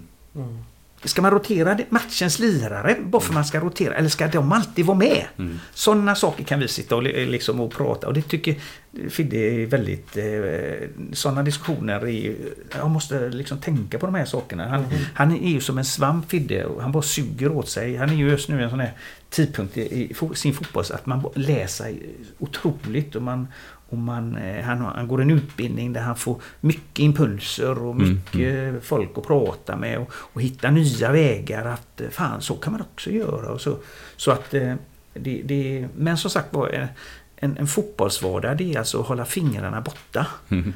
Att hela tiden, lite grann i länken till att se till, eftersom vi litar så mycket på dem, eftersom de gör så mycket bra saker, att ge dem de resurserna som de behöver.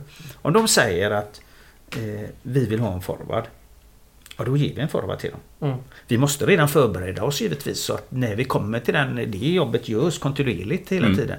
Den, om det kommer att de, nu vill de inte ha det för tillfället. Mm. Då ska de inte ha det. Det är ingen som tänker att- att pusha på dem. Utan de, Mm. det finns så många saker i ett fotbollslag som man kanske som utomstående inte tänker på med dynamik och hur Mm. spelare som går bra ihop och, och sådana saker som Kenneth och Fidde är specialister på.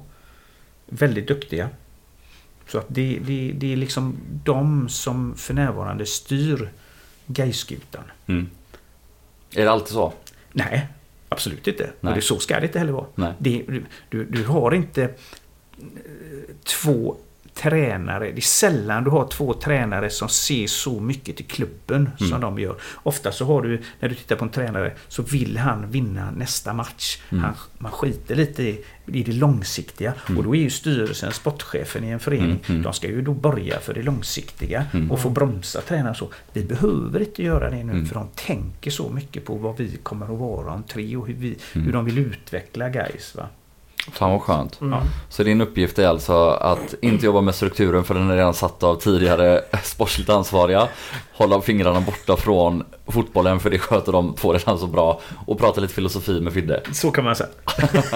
Och då hela tiden jobba med Nej. att ha en lista med spelare som är redo om det behövs. Till Precis, exempel. men man kan, det är ju så att eh, det, det, det, det dyker, nu när man kommer till hösten också så dyker det upp massa kniviga frågor som vi måste Mm. bestämma hur, hur man ska göra föreningen.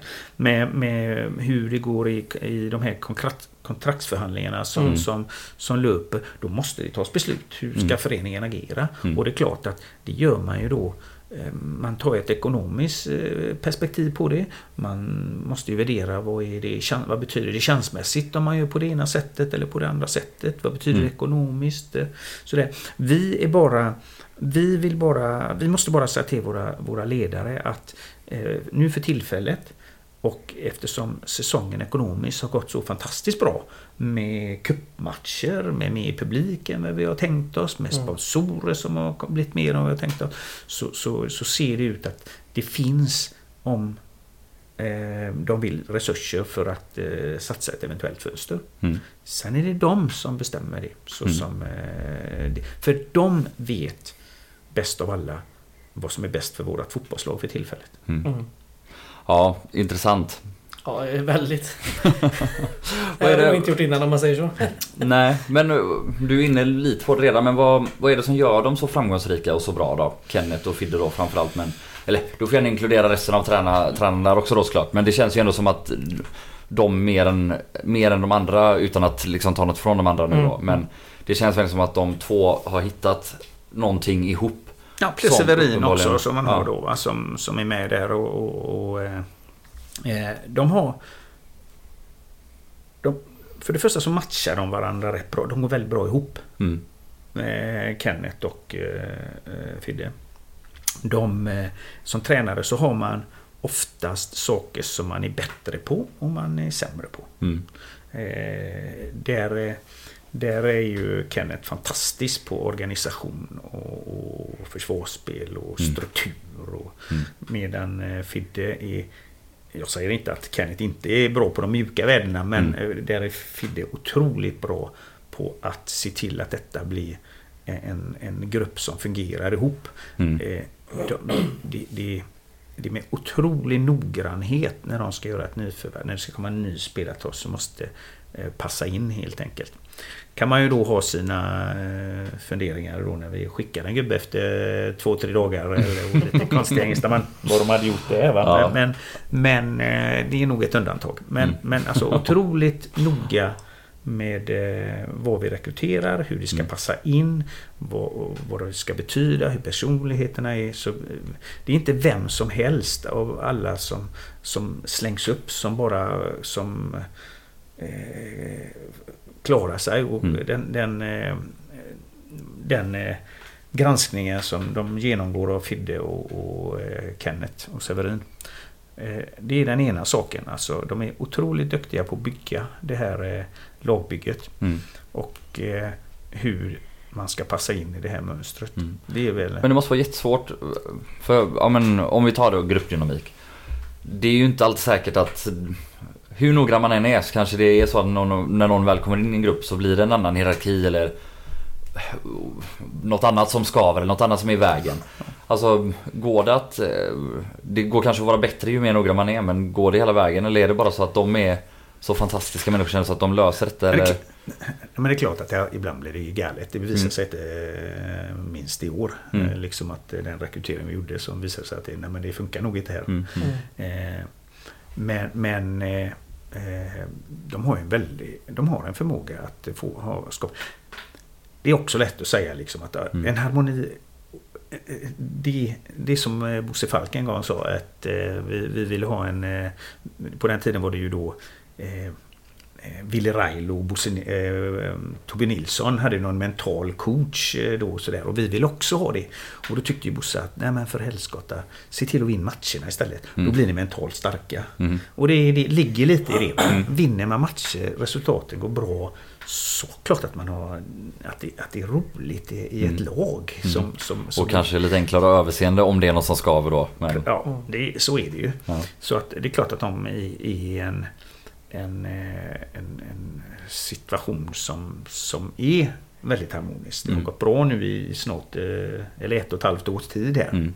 Sen, Samtidigt har de ju skapat det själva också då. Precis. Alltså det är lite dubbelt. Ja. Det, mm, Absolut. Så är det. ja. Andra klubbar jobbar lite så i alla fall. Jag vet inte, detta är ju kanske då verkligen en fråga till den sportsligt ansvariga styrelsen. Men har vi liksom en sorts färdig mall eller struktur för hur vi vill bygga våran trupp? Alltså typ x antal utvecklingsbara spelare, x antal erfarna spelare, x antal riktigt unga, hög potential. eh, Eller finns det sådana tankar? Eller är vi bara på en plats i näringskedjan där vi mer får ta det vi får? Eller där vi bara går på personkemi eller... Ja, Ja, men vi, tar, vi tar inte längre det vi får. nej. Liksom, utan vi tar det som passar in i vårt fotbollslag. Mm. Och, i, i, i så, och så som de som är våra tränare för tillfället då, eh, Kenneth och eh, Fidde, vad, så, Mm. vad de eh, vill ha.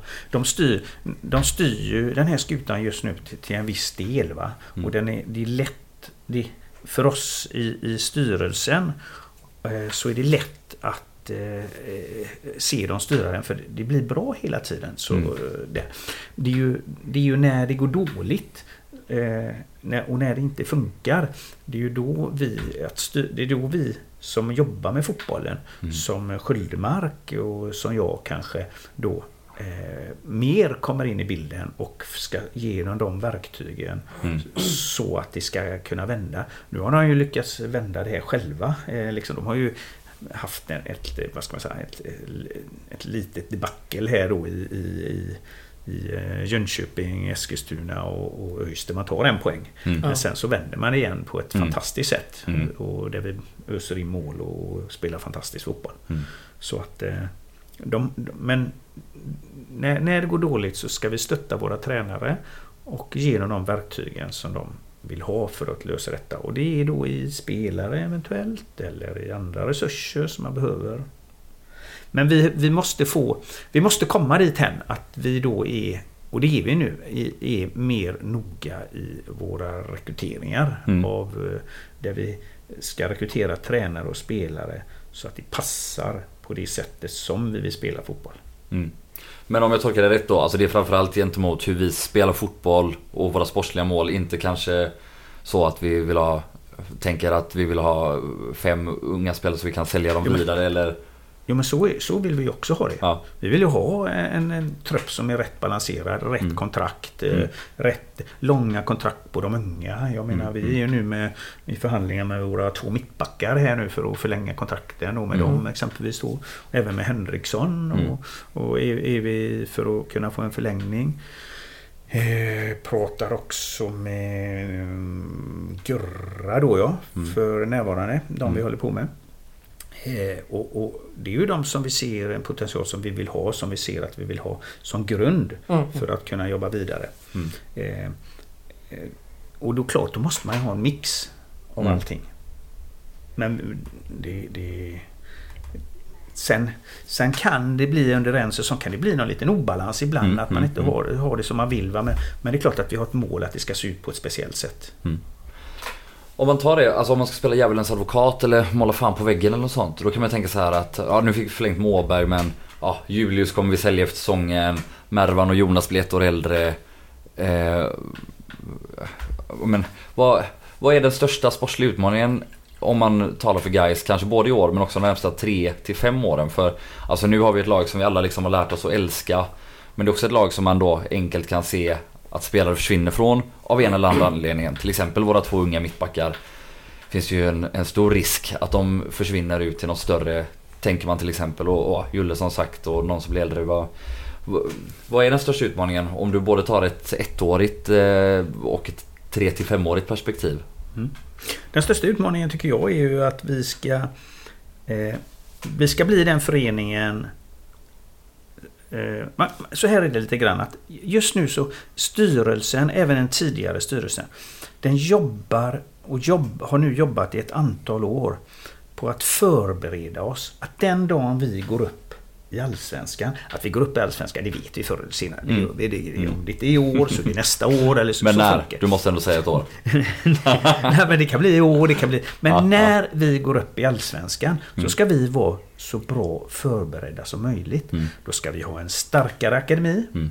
Vi ska ha en starkare Eh, roll i näringskedjan. Mm. Vi ska ha ekonomiska medel för i Allsvenskan så vi kan konkurrera.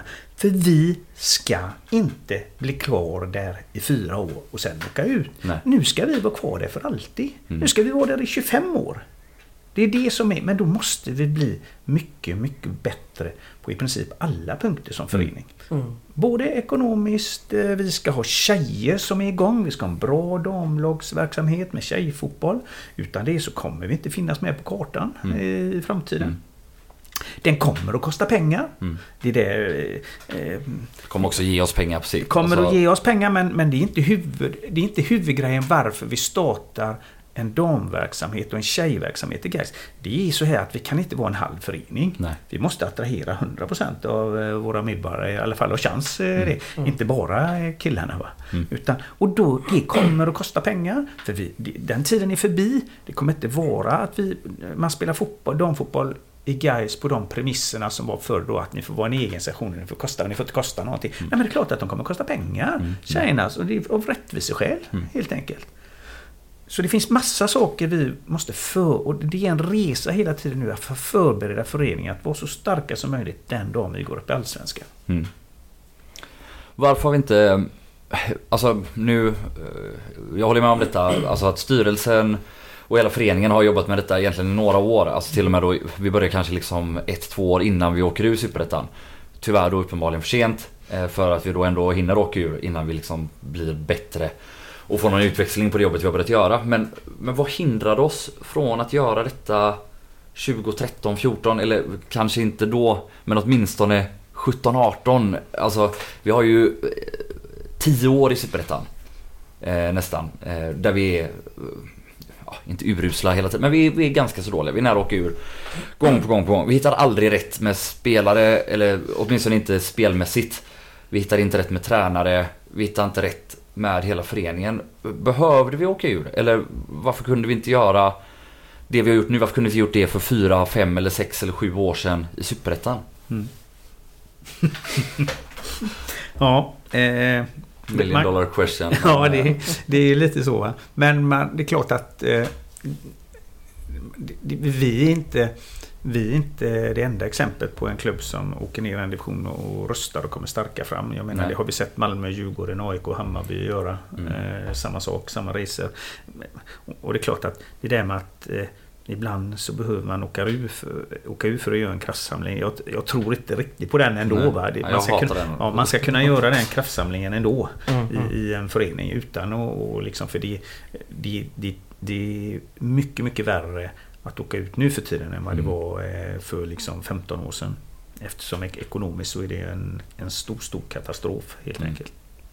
Men varför kan man inte göra det? Ja, Eller varför, varför lyckades inte vi göra det i Gais i alla fall? Ja. Nej men vi, jag tror inte, jag tror inte... Vi har haft väldigt många starka män i föreningen. Mm. Det har varit starka ordföranden. Det har varit andra starka män i föreningen. Som eh, på tränarsidan. Mm. Som har gjort att, att lite grann att eh, eh, det har spretat lite grann. Det har blivit en, lite grann en enmans eh, shower på något sätt. Men nu är vi... Jag tror att vi har... eh, Vi... När vi kraftsamlar nu så gör vi det på något sätt över hela linjen. Mm. Att eh, vi... Och vi har... Jag menar, om man inte läser någonting av 2012 eh, när föreningen är, som jag ser det, det värsta som har varit i botten, ekonomiskt i alla fall. Mm. Så, så, och där vi aldrig, aldrig någonsin någon mer gång får hamna. Mm. Så, så, eh, så, så, så tror inte jag på det som man inte läser. nå- Vi måste lära oss av det. Och, och jag tror att föreningen jobbar nu. eh, Vi jobbar stenhårt för att förbereda oss och vara så bra som möjligt när vi tar steget upp. Mm. Och eh, det är jag övertygad om att det kommer bli. Men vi måste bli bättre på alla plan. Ja, Så vi, så vi pratar närmsta framtiden kanske. ja, det får vi Du har varit lite, lite inne på det med sommarfönstret, men vi, vi, vi gör ett försök. Vi brukar intervjua de ledande, så brukar det vara ganska undflygande frågor. Men jag känner att eh, här kan vi nog få lite, tror jag. Eh, Du säger ju att det är ju eh, Fidde och, och Kenneth som, som kommer sitta på avtryckaren om det skulle bli något kanske. Om de säger att de vill ha något. Och eventuellt om vi blir av med något. Vill de ha något? Ja. Vad är senaste statusläge? Eh, nej, eftersom vi inte har blivit av med någonting och de tror på de spelarna vi har. Så, så har eh, Kenneth och eh, eh, Fidde eh, valt att eh, säga till styrelsen att eh, de tror på de spelarna vi har för tillfället. Mm. Eh, sen kanske det ändrar sig. Fönstret stänger väl sista augusti i år. Ja. Till och med. Det är ju öppet eh, väldigt, väldigt länge. Det hinner ju gå några matcher där och man kan se och, och eh, våran spelartrupp kanske förändras så att eh, det, det är ju upp till... Det, det är ju då vi måste nu redan börja sondera terrängen och, och, visa, och titta på spelare som Mm. eventuellt kan komma in direkt. Liksom, det går inte att börja göra jobbet när man står inför fullbordat faktum. Nej. Nej, precis. Eh, Men det händer ingenting nu för tillfället. nej. Som vi vet. Och vi ska väl lägga till här då att det, den 7 juli så öppnar det rent formellt. Mm. Eh, när det gäller spelarövergångar. Mm. Det kan bli någon utlåning som kan vara på gång. Mm. Vem? Eller? Eh, Det kan vara ett par spelare som, som inte har fått så mycket speltid. Mm. Som, eh, av unga spelare. Mm. Som, som kanske då vill... Eh, spel, eh, att vi tycker att det kan vara värt att låna ut dem. Och då Mm. kan det ju dyka upp någon spelare som vi, vi måste fylla på i truppen. Då. Just Det kan vara ett sånt skäl exempelvis. Mm.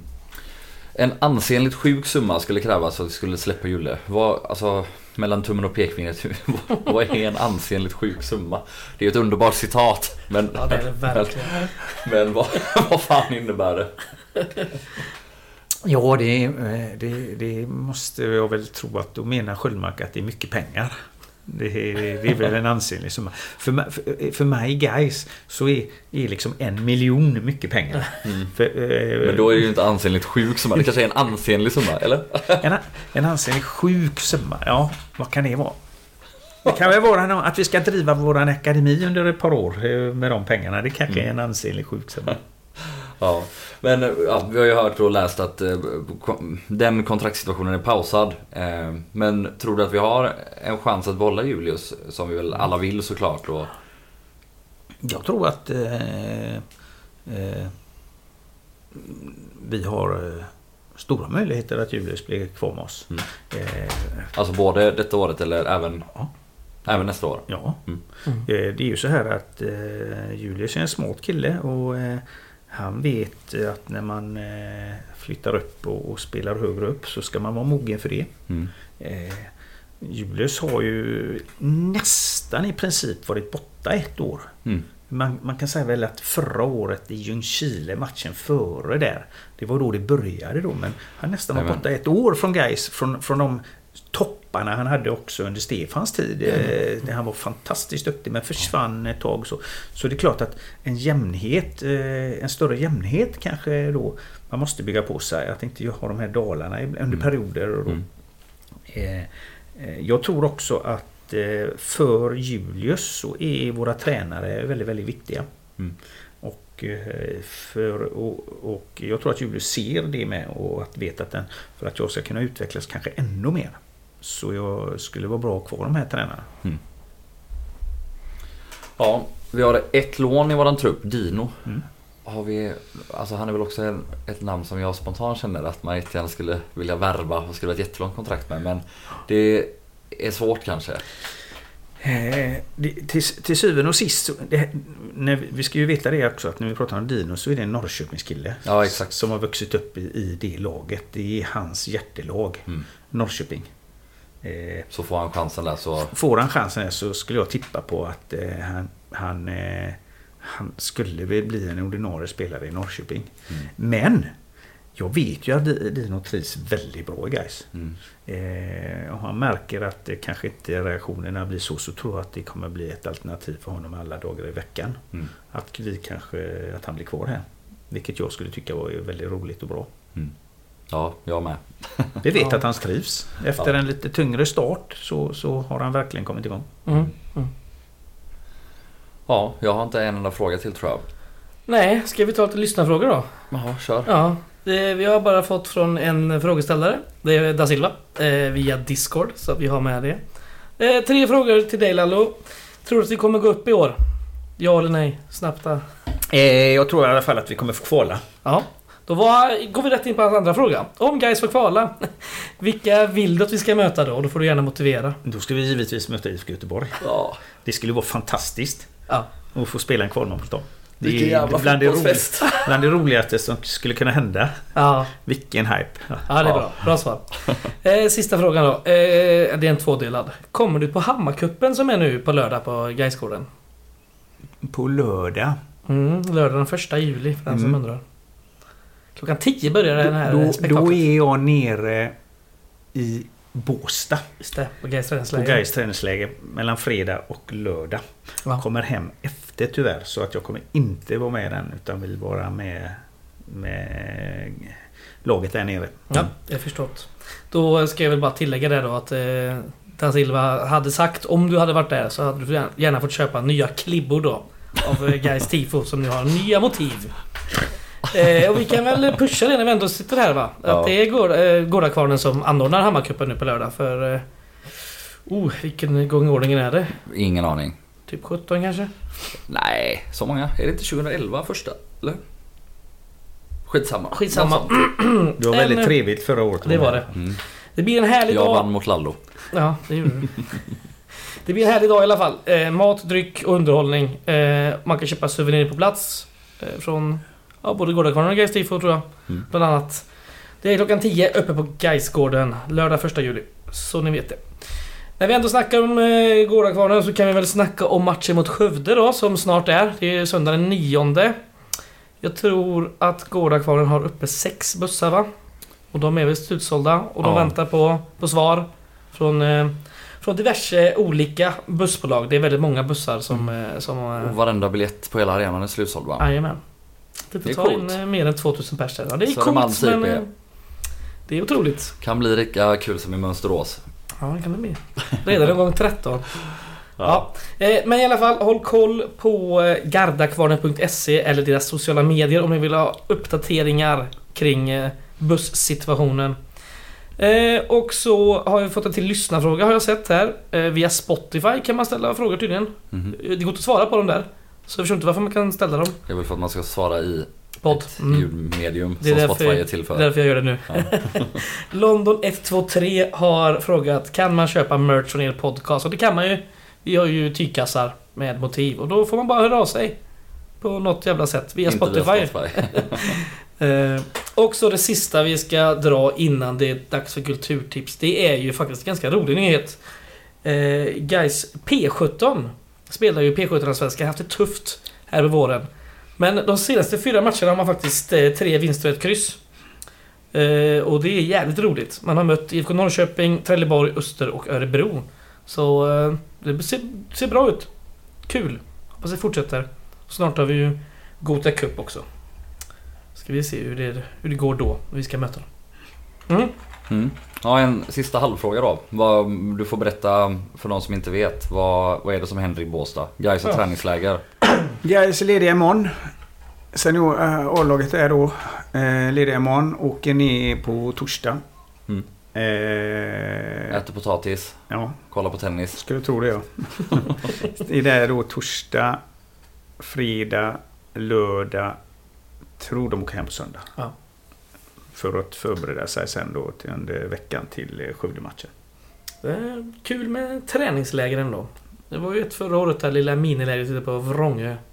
Nu har man spänt bågen lite mer då. Med Båstad. Ja. Ja. Kul! Ska du dit Joel? Nej. Nej, inte jag. Ja, men då kör vi kulturtips. Jag har varit och käkat en hel del på restauranger sen tiden. Netflix igen. Ja, I så fall får jag väl tipsa om eh, en bok. Bäst movie ever made, så den är inte så jävla bra. Ja, kulturtips låter väl skittrevligt.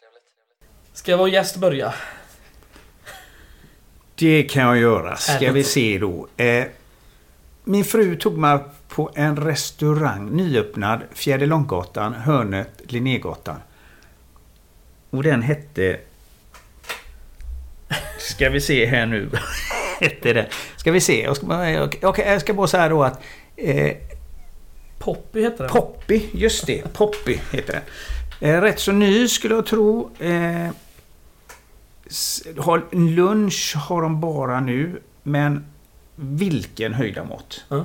Det var eh, åt någon kyckling där. Och eh, det var då med, med, med, lite morötter, lite fashion var det, lite finare eh, mat. Men ändå inte väldigt dyrt. Mm. Bra priser. En efterrätt som var, jag är inte mycket till efterrätt med förrättsgubbe, men eh, en helt magisk jordgubbar med någon eh, vaniljglass och sådär. Det var Nice. väldigt, väldigt gott. Så det rekommenderar jag varmt. Mm, jag ska testa. Jag bor ju ändå ganska nära så jag får ju smita ner. Eh, jag tar... Eh, jag har inte så mycket kulturtips nu. Men jag tar ett som eh, jag har och det är faktiskt ett gammalt tips. som påsen har kommit med. Han tipsade om det i avsnitt 104. Kollade jag upp förut. Och det är en dokumentärfilm som han då såg på Göteborgs filmfestival men som nu mer går på eh, SVT Play. Den heter Who Killed the KLF? Och eh, det handlar om ett band som hette The KLF. Eller de kallades för det. Det finns ingen reell eh, mening bakom den här akronymen. Men ett jävligt intressant eh, houseband kan man säga. Som eh, radar upp hitsinglar slutet av 80-talet, su- början av 90-talet. Och sen bara försvann. Mm. Och sen eh, brände de här två gubbarna som, som hade bandet. De brände upp en miljon pund. Och så blev det en liten snackis om det och de blev lite hatade och så. Ja, och detta var, alltså, jag såg den här dokumentären nyligen på SVT just. Ja. Så jag kan i otroligt bra tips, väldigt Ja, roligt. mm. Men de samplar ju, eller snodde, man Ja, ja, från ja. ABBA. Så de har också anordnat ett eh, LP-skivebål. Ja. Där de åkte från London, där ABBA bodde, Ja. till Sverige. För att träffa ABBA och eldade upp de här LP-skivorna. Jävla... Ja, det finns massa kul Ja. i, i det här. Och också att de... de ringde upp och sa vi, nu ska vi göra en ny låt. Vi måste ha någon som ska sjunga på den här. Vem tycker vi ska sjunga? Och så kom de på countrystjärnan eh, Tammy Wynette måste ju sjunga på den låten. Det blir perfekt. Och så bara, men vi testar att ringa henne. Och hon säger ja och de åker över och spelar in. Och märker att hon kan inte sjunga i typ den här, den här takten. Det går lite för fort. Men de löser det med liksom diverse inspelningstrick och grejer och det blir ju såklart en, eh, en hitsingel. Eh, jävligt kul film och som sagt SVT Play gratis. Se den innan den försvinner. Mm. Ja. Också ett public service tips, nämligen Sommar i P1 som jag Mm. aldrig brukar lyssna på, men idag tror jag det var, som Andreas Cervenka. Ja. Sveriges enda ekonomijournalist, om du frågar mig, åtminstone den enda ekonomijournalisten värd namnet, eh, är med. Han har ju skrivit eh, sin andra bok, tror jag väl det är. Mm. Eh, Gi- vad fan heter den? Girig Sverige. Sverige. Eh, som, eh, ja, där han väl på ett ganska enkelt och pedagogiskt sätt går igenom liksom hur vår ekonomi är uppbyggd, hur skuldsatta vi är. Alltså framförallt då liksom den genomsnittsskulden per svensk medborgare och hur, hur farligt detta är och riskerna med detta och hur vi alla bara liksom låtsas som det regnar och, och lyssnar på försäljare på bankerna som heter typ sparekonom. Mm. Eh, men som oftast bara är en försäljare av, av lån och kredit. Eh, så ja, eh, absolut kritisk mot vårt eh, finanssystem på olika sätt och vis men väldigt intressant och väldigt lätt att ta till sig. Eh, Man kan både läsa boken men åtminstone då börja med att lyssna på den här Sommar i P1, Andreas Cervenka. Eh, Väldigt, väldigt bra. Jag lyssnade på, på det tidigare idag på jobbet. Mm. Han är krönikör på Aftonbladet eh, Mm. vanligtvis. Har du vunnit Stora Journalistpriset tre gånger nu va? Tror jag. Ja, ja, jävligt Eh, duktig. På SvD innan. Precis. Så Kanske det är lite då. för radikala åsikter för att vara kvar där som ekonomireporter. Ja, verkligen sig. Gå till sosse Aftonbladet istället. Mm. Eh, ja, det var det hela. Eh, tack så hemskt mycket för att du kom förbi Lallo. På Ja, detta långa härliga tack, avsnitt. tack, tack. Tack för att jag fick komma. Ja, självklart. Eh, vi återkommer väl eh, efter Skövde-matchen skulle vi tro. Ja, det gör vi. Ja, vi vill ha lite semester. Det är fan jobbigt det här. Det är jävligt varmt i min lägenhet. det är det som knäcker oss. Ja, så därför säger vi tack och hej och hej guys. Hej guys.